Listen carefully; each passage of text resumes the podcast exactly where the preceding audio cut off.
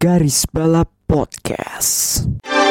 yang terpisah aja. Pokoknya kongres untuk Pedro Acosta dan si siapa namanya John McVie. Oke. Eh, sorry, kok sih maksud gua Pedro Acosta dan ya tapi menurut lu Nah. ini hal wajar gak sih kayak pembalap yang istilahnya sudah malang melintang di Moto3 tapi sekalinya dia mengalami hal yang malang banget yang tidak sesuai ekspektasinya dia dia bisa apa sih namanya dia jadi kayak emosi terus emosi begitu menurut lu wajar gak?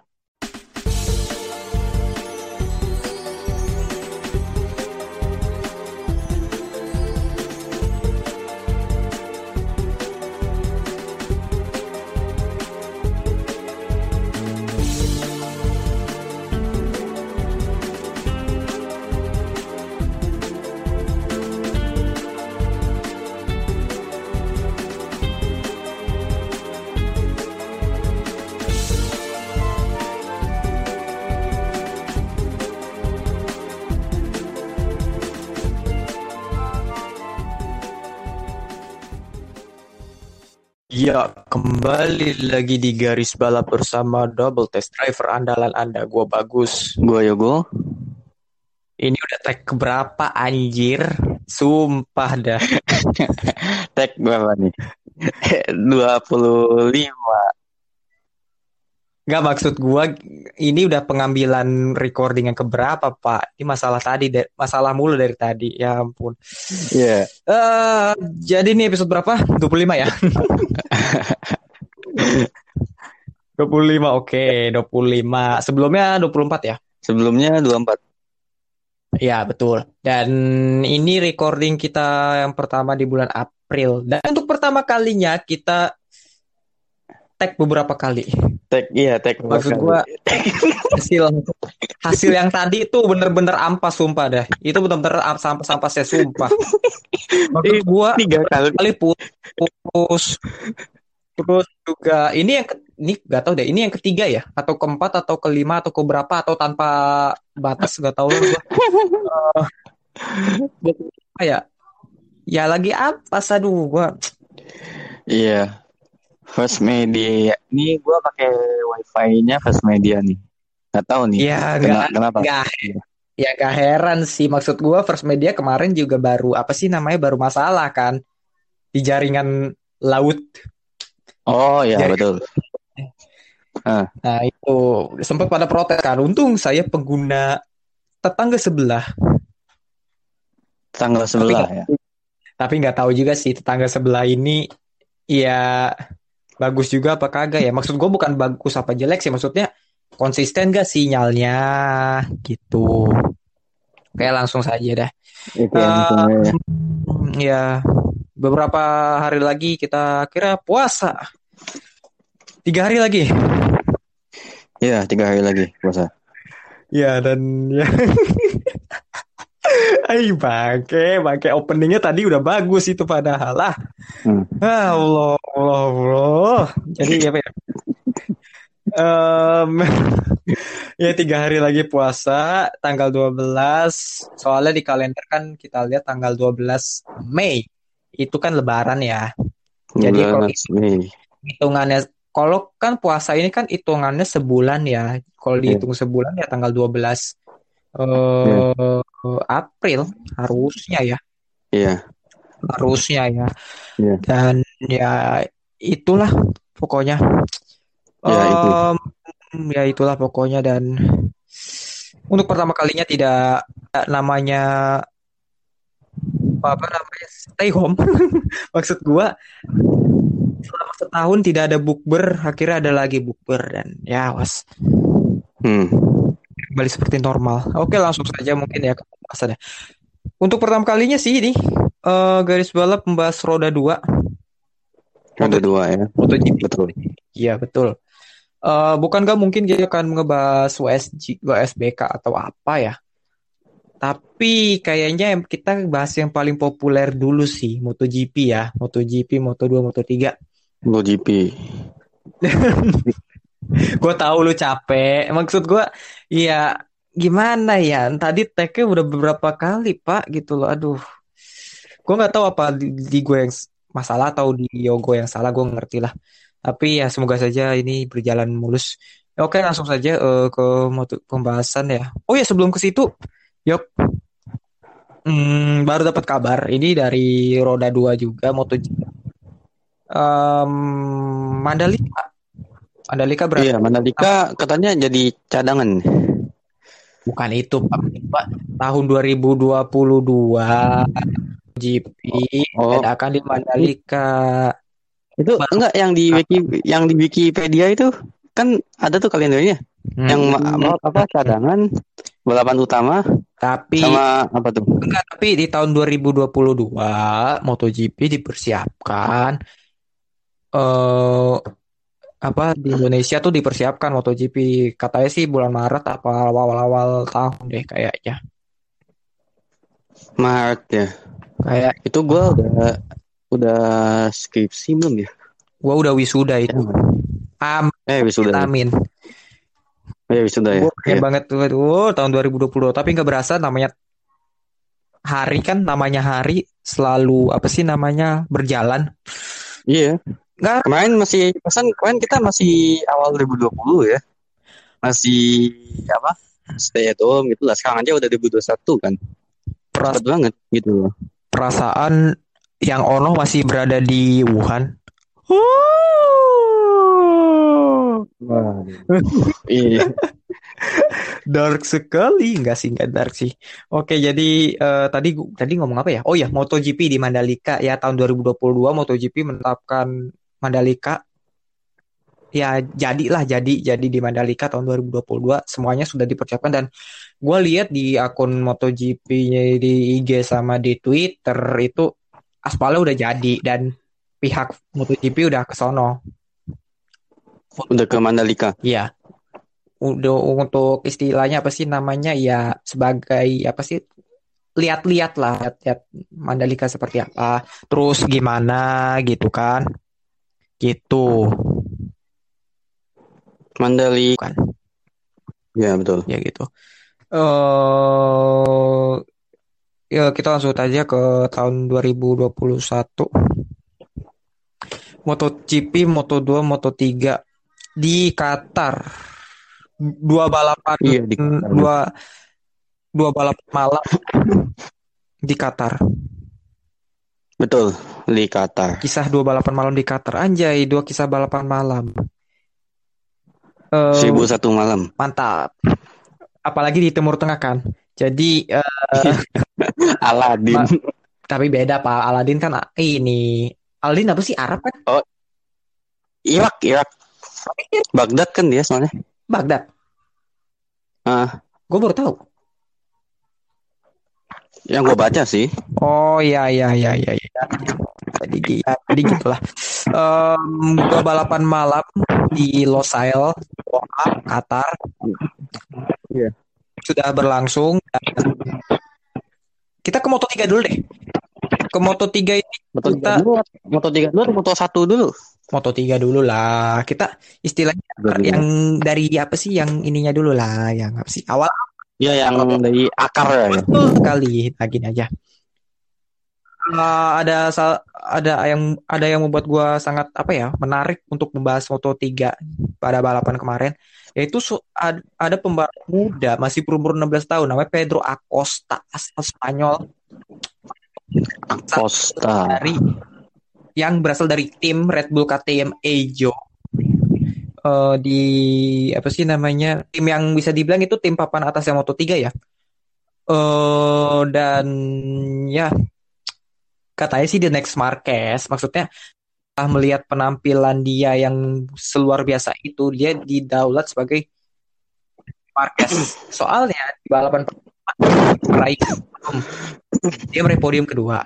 Terus yang ketiga eh terus yang ketiga terus yang kedua yang meraih eh, kemenangan di balapan kedua dan di balapan kedua itu dia start dari pit lane gue lupa kenapa dia start di pit lane karena penalti apa tapi menurut lu sudah Acosta Disebut disebut next Marquez gitu Iya. ya. dan juga menurut gua Mar Kalau- dan juga sorry dan juga menurut gue Marquez juga apa ya masih terlalu dini untuk istilah mencari penerusnya gitu. Menurut gua ya. Nggak, tapi kalau misalnya dijadiin apa ya kayak sebagai batu loncatan ya mungkin bisa. Cuman kalau misalnya di kayak ekspektasi bahwa si Acosta ini bisa seperti maksudnya oh langsung the next Marquez gitu kayaknya masih belum sih masih Masih ini Ya, ya, kalau kita sih lihat lihat apa nggak usah lihat yang ini nggak usah lihat yang di Moto3 dulu tapi kita lihat yang di balapan-balapan event-event yang kayak di Red Bull Rookie Cup terus juga di event yang apa tuh gue lupa tuh event ya Oh, pe- ini ajang sebelumnya Pedro Acosta. Dan musim lalu kan Iya, ajang musim lalu kan dia juara di Red Bull Rookie Cup. Iya, musim lalu juara. Terus di yang di CEV kan juga urutan tiga ya, Lumayan. salah.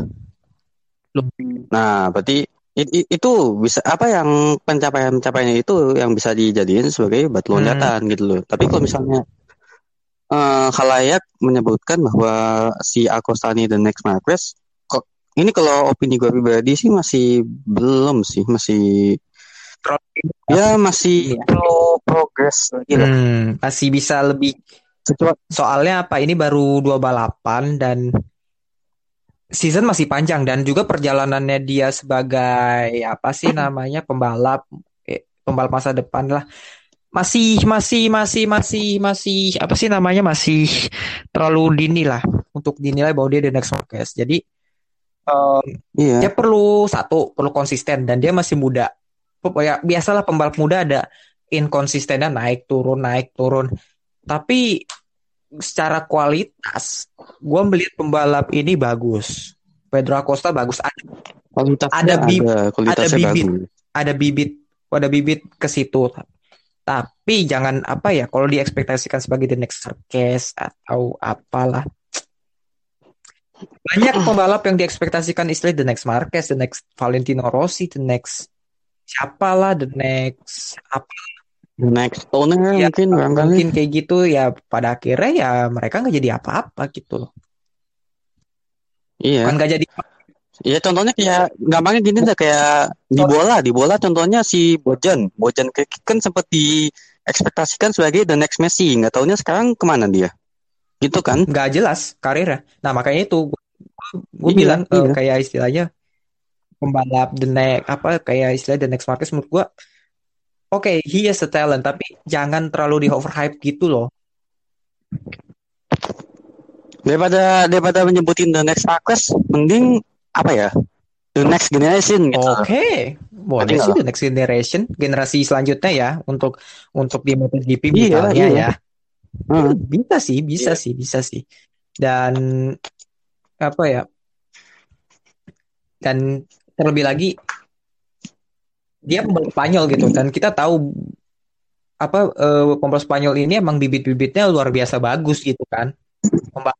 Iya, Spanyol, Itali, itu kan bibitnya iya lumayan. Tuh. makanya gitu loh dan kayak Pedro Acosta itu bagus sih bagus. Bagus tapi tapi menurut gue sih ya jangan ya menurut kita sih jangan jangan jangan di overhype terlalu gimana gimana ya takutnya tertekan atau gimana. Kan biarkanlah dia membalap sesuka hatinya kayak istilahnya kita konsisten kak kalau Iya, iya. oke bisa Ah, biarin apa ya, biarin apa, biarin ngalir terus lah. Biarin maksudnya ya biarin apa kayak ibaratnya balapan sebagai teman gitu loh, bukan sebagai ajang apa sih ajang wah gua hebat nih, gua bisa ini enggak. Maksudnya ya dia balapan se apa ya sesuka hati dia ya gitu loh. sebenarnya nggak sesuka hati ya maksudnya seluas pokoknya apa ya? Luas, lah, iya, jangan iya, jangan terbebani gitu Ya, Marquez jangan terbebani. ya menurut gua sih oke he a- he- dia, dia tuh ba- pembalap bagus tapi jangan kayak di overhype gitu sih. Ini hanya dua balapan gitu loh. Iya, mas apa pertama baru dua balapan, terus juga usia Masih kan, satu, iya. usia baru 16 tahun Iya, iya. nah, makanya Heeh. itu tapi ya selamatlah untuk Pedro Acosta yang berhasil membuat kita sangat wow start dari pit lane meskipun ada sebelumnya ada pembalap yang start dari pit lane bisa menang. Kalau nggak salah Derin, eh Derin, sorry. Eh, ini siapa sih itu namanya yang Brad Binder? Kalau nggak salah, Brad Binder. Brad Binder, Binder, kalau Binder. nggak salah. Eh, tahun 2016 ya, gue lupa. Itu di Hedi Harris kalau nggak salah. Gue gue lihat cuplikannya di dia MotoGP. Dan, dan dengan tim yang sama Red Bull KTM maju. Jadi kesimpulan gue, he has a talent tapi jangan terlalu di overhype dan eh, apa sih namanya masih ya, sabar aja, sabar aja nunggu pembalap datang gitu. Nunggu gambarnya nunggu apa pas Exact- pada waktunya gitu lah. Ah, dan itu saja untuk Pedro Acosta. Good luck untuk season ke depannya untuk balap apa eh, musim ini dan pokoknya jangan jangan ngadi aja ya. Apa pun yang terbaik ya. pokoknya sih. Good luck Pedro. Selain Pedro Acosta, selain Pedro, Pedro Acosta di Spanyol kayaknya banyak nih bibit-bibit yang itu, yang apa? Kira-kiranya bisa dijadikan batu loncatan kayak Masia gitu kan. Oh, Joe Masia Masia? Joe Masia rekan setimnya Hmm. Acosta. Aduh, kasihan tuh Masia. Di race kedua dia meraih pole position. Dia nggak menang, yang menang rekan setimnya. Gimana? Ya, ya, yang penting setim Bukan lah yang ya. setim maksud gua di balapan pertama dia menang, di balapan keduanya dia meraih pole position. Tapi sayangnya dia nggak menang. Yang menang Maksudnya? malah Pedro Acosta rekan setimnya. Makanya Iya, itu. iya. Nah, jadi menurut gua sih ya Masia juga bagus. Kalau dikasih motor yang bagus ya bagus. Dan beberapa kali di beberapa musim sebelumnya dia perform kok. Oh, eh, ada kejadian Iya, unik ya di Moto3 yaitu berantemnya Alcoba sama siapa? John McVie. Tapi sayang, ya. ya sangat disayangkan sih John McVie melakukan hal itu, tapi sebenarnya nggak apa ya? Sangat disayangkannya karena dia pembalap senior, tapi nggak bisa disalahkan juga karena dia lagi apa ya? Mengalami awal musim yang berat gitu, dua balapan nggak finish gitu dan nggak meraih poin juga dengan Je- John McVie dengan Jeremy Alcoba. Jadi ya McVie pada akhirnya sih dihukum kan sama Alcoba. Basically dia Iya. apa McVie apa si Alcoba jatuh karena pembalap lain karena nyenggol pembalap lain dan efek dominonya berdampak pada McVie dan meng- mengakibatkan ya McVie kesel sama melayangkan jurus-jurus ke Alcoba. Nah, pukul melayangkan jurus-jurus ke Alcoba dan akhirnya itu membuat mereka dihukum dan didenda oleh FIM. Bukan VIA. VIA, VIA mobil Pak. F FIM, Oh iya. FIM oleh FIM. Ah. Tapi menurut lu Ah. ini hal wajar nggak sih kayak pembalap yang istilahnya sudah malang melintang di Moto3 tapi sekalinya dia mengalami hal yang malang banget yang tidak sesuai ekspektasinya dia dia bisa apa sih namanya dia jadi kayak emosi tersulut emosi begitu. Menurut lu wajar nggak? Ya emosi, ya nama juga manusia pasti kan punya emosi lah. Cuman tergantung gimana kontrolnya aja. Tapi kalau menurut gue yang si Max V itu oke dia kesel. Dia itu. Cuman jangan sampai kayak gitulah. Maksudnya kalau misalnya dia nggak ngelakuin itu ya selesai Iya. kan masalahnya. Nggak sampai apa ibaratnya kan dengan dia ngelakuin itu dianya ya di samping iya nggak di samping itu di samping itu juga apa ya harga dirinya dia jadi turun dong. Jadi kan orang ngeliatnya wah si. Mevi apa Hmm, bisa. kasar gitu loh. Bisa bisa. Emosian bisa bisa gitu bisa, loh. bisa. ya kan kalau misalnya dia diam kalau misalnya dia nggak ngelakuin itu ya udah jadi ya orang taunya ya si McVie ada kendalanya ya cuman di karir aja di prestasi gitu tapi kalau untuk it- apa skandal gitu Hmm. bersih gitu kalau misalnya dia nggak ngelakuin Tapi semuanya itu. sih udah udah reda sih kasusnya itu ya udah dihukum FIA juga sebenarnya nggak bisa menyalahin Alcoba juga. Alcoba juga kayak di- apa disenggol sama pembalap lain dan akibatkan dia kejomplang dan itu motornya Alcoba kena kepalanya McVie loh. Ban-ban belakangnya kok nggak salah itu yang mengakibatkan Mac- McVie jatuh dan McVie kesel. Ya, wa- ya wajar sih McVie kesel, cuma ya seperti yang lu bilang ya dia pembalap senior gitu loh. Masa dia bertindak kayak anak kecil gitu loh, kayak istilahnya disenggol dikit lu ajar ajar gitu loh. Iya. Si McVie umur berapa sih? 27. Dia paling 27, senior. 28 deh. paling senior dan Alcoba 27 ini pembalap pembalap yang apa namanya pembalap muda ya. Dua dua tujuh, asuhan udah di MotoGP. Ya gue nggak tahu ya kenapa dia Iya kan? ini apa cutting cutting di Moto 3. Iya. Cutting Moto3.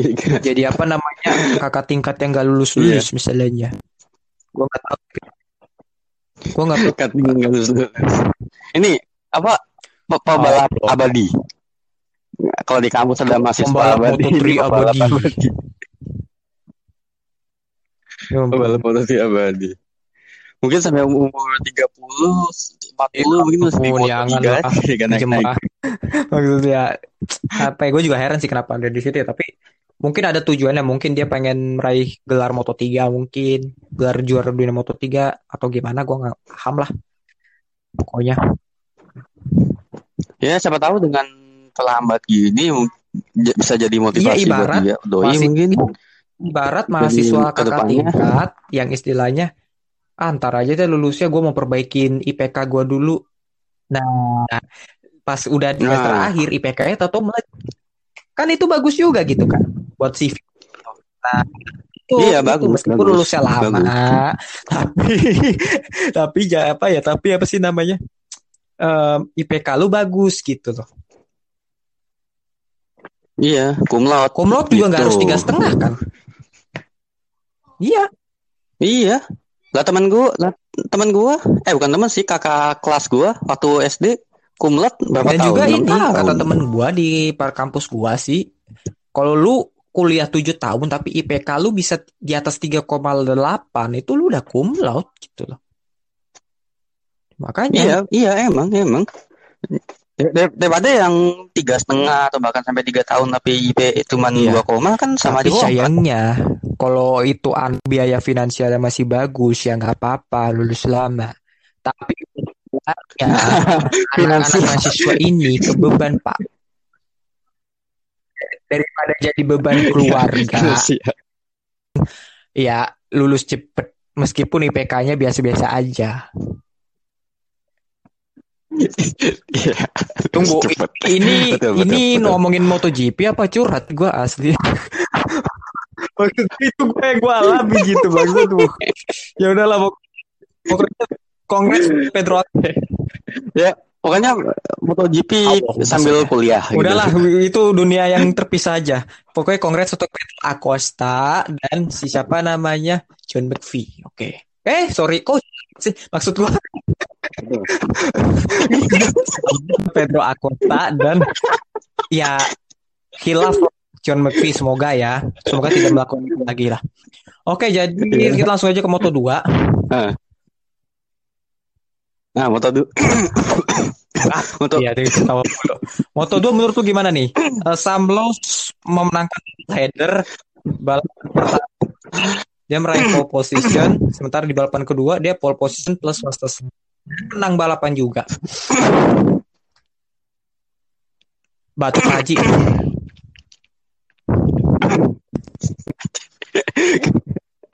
ya tadi Moto 2 gi- eh,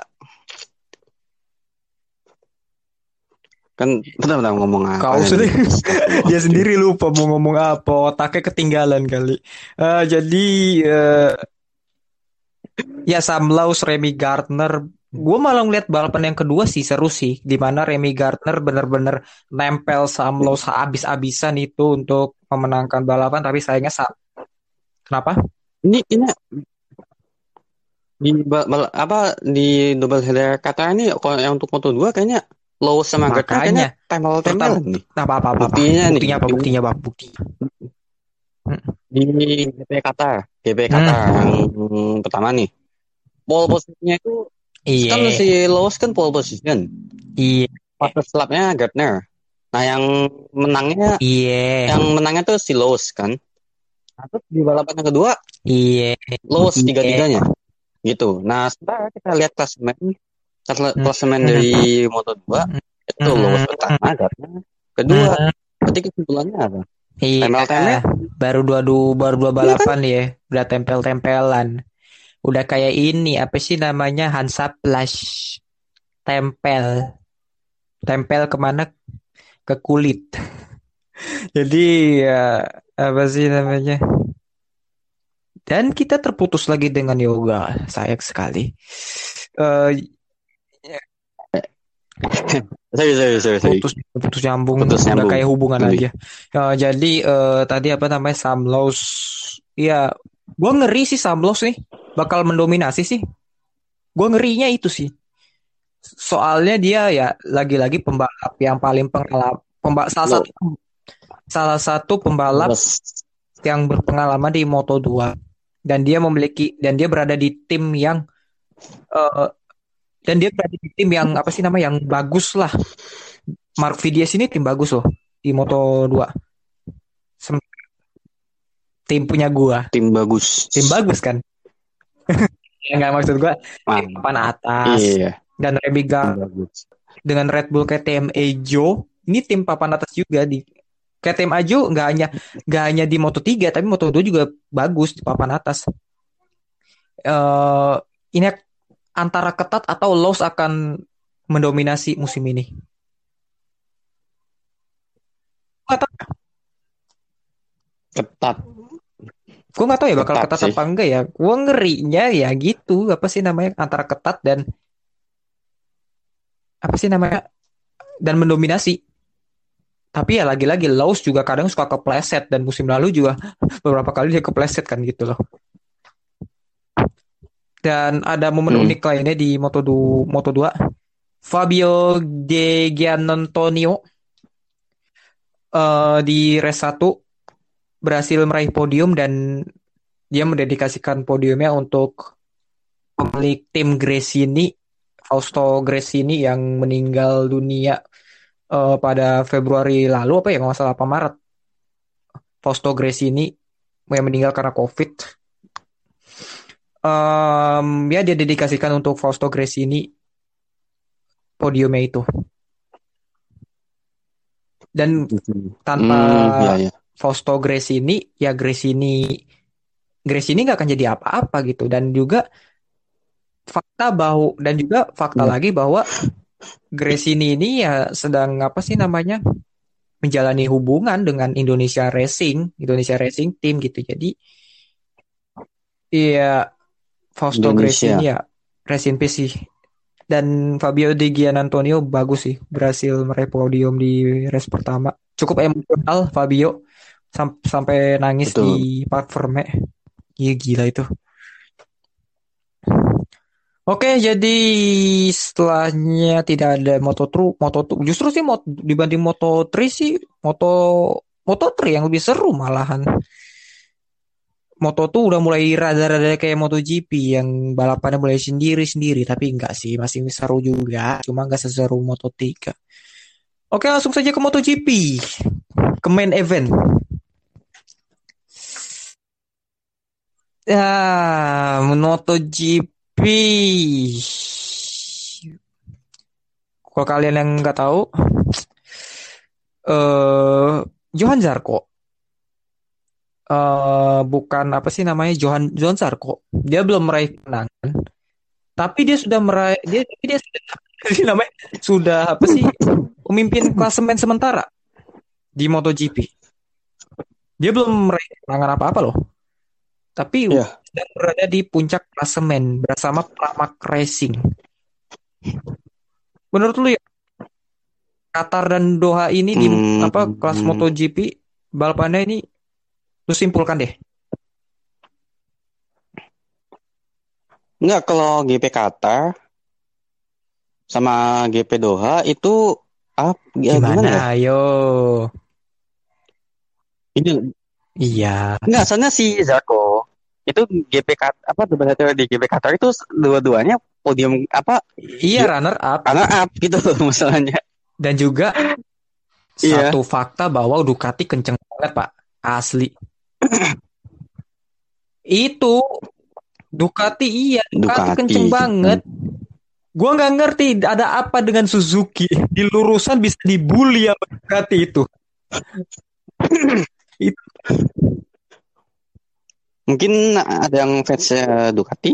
Ya ada Maybe. pasti ada beberapa orang yang Indonesia yang fansnya Du- Ducati segala macam.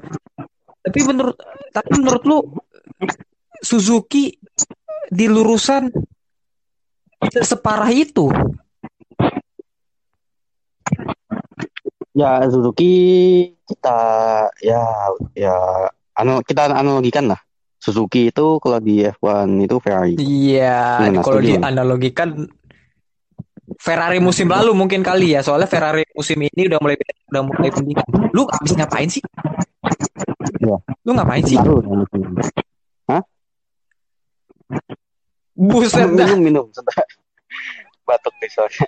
Ya lu paling nggak bisa izin dulu, tinggalin dulu ini kecekres masalah we. So, soal lu gerak-gerak gitu masalahnya. Oh, Ah, lagu minum biasa aja kok. mungkin ya. Tadi pas gue batuk Eh, kali. dan juga eh, apa sih namanya? Gue lupa ngomong apa tuh. Oh ya, Ducati, Suzuki dan Ducati. Mungkin dianalogikan sebagai Ferrari mu Ferrari musim lalu. Iya. Iya. Kalau kalau dianalogikan Ferrari musim lalu iya. Eh, eh, Yok, mungkin lu bisa bisa apa sih agak jauhan dari HP lu deh. Dari HP lu agak jauh. Soalnya Dari- suara dari gua apa? tuh. Oh, Coba ya. ah, udah, Ya aduh masih lagi. Ya udahlah, gue masih mantul suara Masih kenapa? gua. Ya ampun. Ah, masalah banget ya ampun. Udah ya, kayak kita harus ketemu dah ya, asli dah. Jadi lu bilang mantul, mantul Suara bagus suara dari gua itu mantul ke gua di headset gua. Itu yang keras itu dari gua. Iya, mas. Suara gua mantul Oh, di gua, di gua. Iya, I see, I see. Ah, Jadi ya ya, I see, I see. Aduh, gak tau dah. Jadi ya menurut gua sih em, Suzuki sangat disayangkan dan di race pertama di Qatar. Hmm, apa namanya? Si siapa namanya? John John Mir ya itu dibully. Dibully habis-habisan di finish line.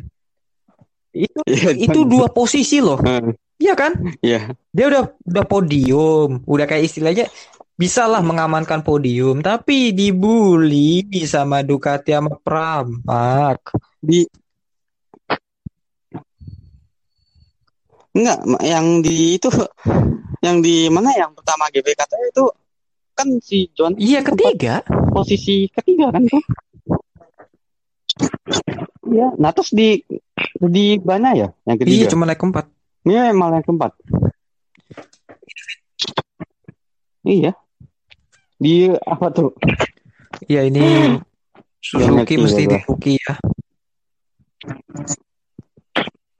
Menurut gue Suzuki mesti di rookie ya. Gitu.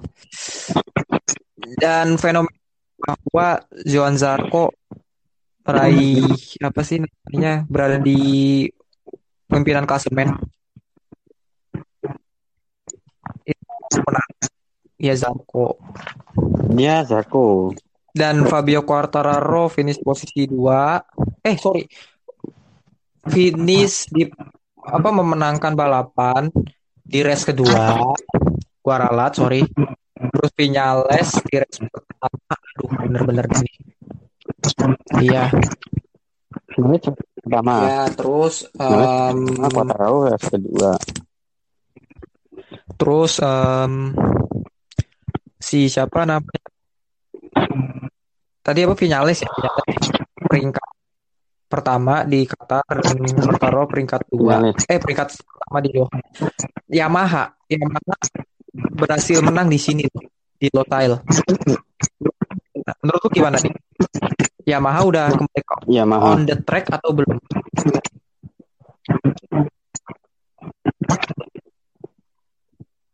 Ah, perlahan, perlahan udah kembali Hmm. ke itu. Ya mungkin lu Perlahan ngomong ya. deh. Gua mau mau istilahnya mau perbaiki dulu itu. Cuman Lu ngomong dulu ngomong. ya, Ya lu ngomong apa? enggak, maksudnya dulu ya, gua Yamaha. mau ini tuh beneran Kalau untuk biar enggak ya oke lah, oke. Jadi Yamaha kalau menurut apa? Kalau hobi apa sih kalau menurut gue pribadi ya udah kembali eh, apa ya perlahan comeback gitulah comeback ke tag gitu ke aslinya ke Yamaha yang Hmm. realnya itu udah mulai kelihatan gitu loh. Banding Hmm. dengan yang sebelumnya.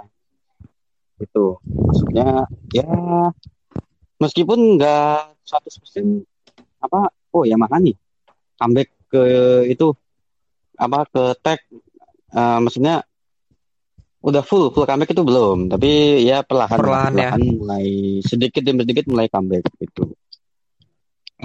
Ya buktinya aja di yang Qatar sama Doha sama Doha itu kan wi- apa menang kan Hmm. Iya. winning team tentang sinyal.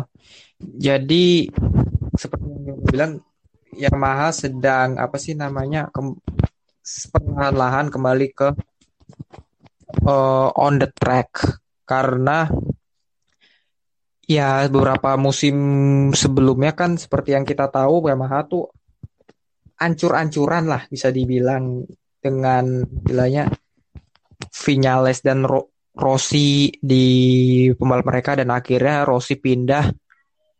Dan apa sih namanya? Dan bisa gitu dan apa sih namanya? Rossi pindah dan Quartararo masuk dan akhirnya hasilnya ya lumayan gitu loh. Dan perlu diketahui track apa sih namanya? Track Losail ini bukan tracknya Yamaha ini tracknya bisa dibilang tracknya Ducati gitu. Dan ya cuk sangat dinantikan persaingan Yamaha bisa kembali gitu kan dengan Quartararo dan Vinales meskipun bakal ada sedikit intens di sini ya dengan Vinales dan Quartararo karena secara kedua pembalap ini memiliki kualitas yang sebanding gitu. Yok. tim Yamaha itu Hmm. ada dua tuh ada yang Yamaha Jepang ya kan sama Iya. Yamaha Petronas Hmm. iya kan tapi Yamaha yang Petronas Hmm. malah enggak itu malah enggak Lu denger gua kan? bersinar gitu ya Gak lu denger kan? eh ini kan gua Oke. ngomong Eh gue nggak pakai headset. Eh jadi eh, Dengar, apa sih dengar, namanya? Oke. Jadi menurut gua tadi ya seperti yang lu bilang kan, seperti yang lu bilang bahwa ya Yamaha ini eh sedang perlahan lah ya. Nah, perlahan ya comeback ya iya jadi, nah iya jadi menurut gua to the track em, gitu ya sedang perlahan-lahan, tapi yang tadi gue bilang kayaknya akan agak sedikit intens di sini. Mengingat bahwa Vinales dan Quartararo ini memiliki kualitas yang sebanding gitu. Menurut gua ya, meskipun Quartararo, Iya. meskipun Vinales jauh lebih berpengalaman ya, tapi menurut gua hampir sebanding. Dan juga satu lagi nih ada yang menarik perhatian, Jorge Martin. Iya. Ah, Jorge Martin. Mantap. Ya, Dan dia pole position posisi apa juara ketiga. di balapan kedua itu. Itu prestasi yang luar biasa untuk rookie. Iya, pole position. Tap- Udah pole Tapi position. sayangnya terus dia di balapan di Doha dengan motor yang jauh kan? lebih kencang di trek lurus daripada Yamaha dan Suzuki. Ya, apa sih namanya? Dia memimpin, dia memimpin di race kedua itu dan hingga akhirnya dia disalip. Disalip oleh Quartararo. Iya, betul. betul. Quartararo pinter sih. Quartararo Di pinter dalam arti gitu ya. dia Quartararo tuh Bukan hanya itu. pinter overtake menurut gua dia gitu. pinter menurut gua dia pinter eh dia tahu motor dia bukanlah yang tercepat di apa sih namanya di kelas utama yang tercepat adalah Ducati di trek lurus nah makanya Ducati. si Quartararo betul. ketika udah apa sih namanya ketika sudah apa sih namanya berada di depan dia berusaha memperlebar jarak di tikungan memperlebar jarak dengan pembalap di belakangnya Hmm, karena iya. kita tahu Ducati cukup lemah di tikungan nah itu yang Quartararo menurut gue pinter. Dia manfaatin di tikungan untuk memperlebar jarak dan akhirnya dia nggak kekejar. Itu sih menurut gua. Du- hmm. Ya bisa bisa apa? ya Lebih itu sih. Dan Jorge Martin ya gua Jorge Martin ini 20-an umur berapa ya? Sembilan. Aduh, dua, dua, iya. Dua Hmm. puluh. Mungkin segua mungkin bang kali. hmm. Gua kan tahun ini dua tiga nih. bagi kal- 22 sih. bagi kalian yang penonton MotoGP yang taunya Rossi, Vinales, Lorenzo dibuat bingung. Karena siapa Jorge Martin? Iya. Pokoknya Makanya, Marquez, Lorenzo, Pedrosa, iya nah, itu kan itu yang gue maksud. Oh, jadi ya apa sih namanya? Ya lah untuk fans yang kayak gitu. Yang taunya cuma Rossi gitu-gitu, kayak nggak tahu. Gua ngikutin Jorge Martin. Itu udah dari Moto3 kali. Dan ini pembalap yang bagus. Dan kita lihatlah seperti apalah di Pramak dia. Sementara Zarko kayaknya akan ke Iya. kesalip sih. Apa? Zarko Enggak, apa Zarko kalau gue Iya, bilang betul. kayaknya harus lebih ini ya, harus lebih konsisten lagi sih. Nggak, gua apa ya, ada kayak apa sih, ada kayak kebayang ada kebayang kalau Zarko kayaknya dari balapan musim ini ini musim awal apa maksudnya balapan awal di Qatar sampai balapan akhir musim di mana tuh? Itu posisi apa Hmm. anak aku kan nggak enak kan ya Ya paling Dilihat tidak ya bagus bagus ya cuman bukan apa. Ya, kali masa balapan itu Sistem anak runner aku kayak up. juara gitu kayak terus pembalap di belak di bawahnya nggak konsisten bisa jadi Iya dia kan? juara. Tapi terlalu dini untuk menilai. Iya. By the way, lu nggak ada gangguan betul apa-apa kan? betul Nggak deh. Oke, semoga saja bagus deh audionya. nggak ada nih Eh, ya udah mungkin itu, mungkin itu aja sih. Tidak ada yang perlu di untuk dibahas lagi. Cukup pendek, Sebetulnya ya. cukup pendek ya karena sejatinya sejatinya apa ya kita ini uh, Hmm.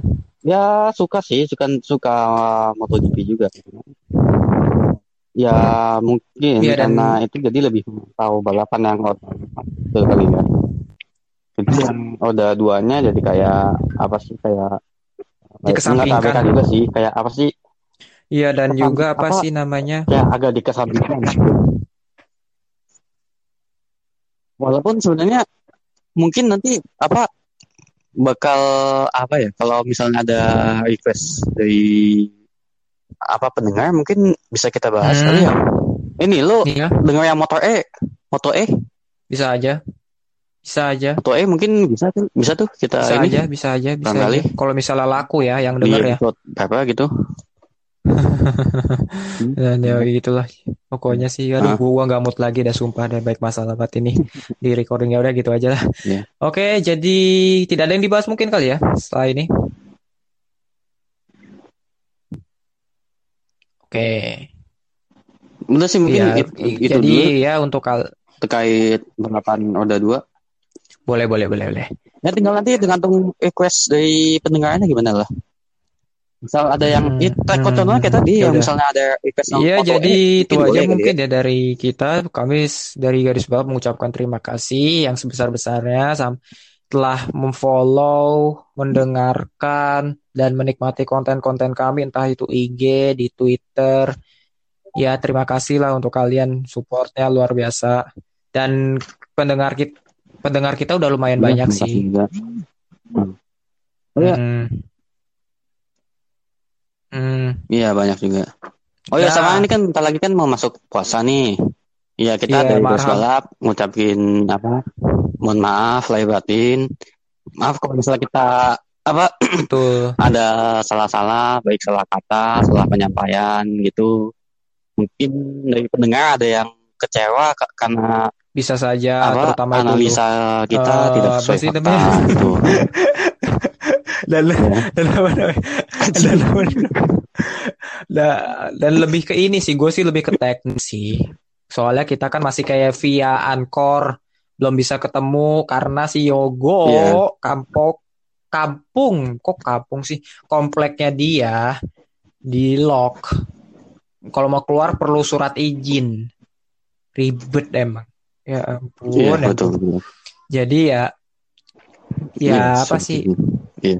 via Hmm. Anchor dulu dan juga ya semoga saja di kelanjutan episode selanjutnya bisa meet kita bisa meet dan lebih enak lagi ngobrol dan analisanya gitu iya betul sekali oke jadi itu aja Iya. mungkin dari dari Bisa. garis balap Iya. marhabannya Ramadan ini ke hijriah yang keberapa ya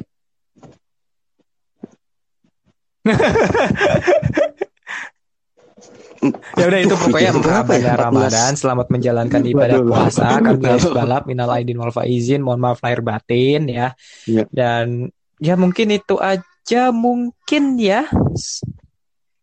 Oke, jadi itu aja. Kita udah capek dan bad mood juga gara-gara tadi gua Iya. bagus. Kami dari garis balap cabut dulu. Sampai jumpa di episode Waduh. berikutnya. Salam motorsport Indonesia.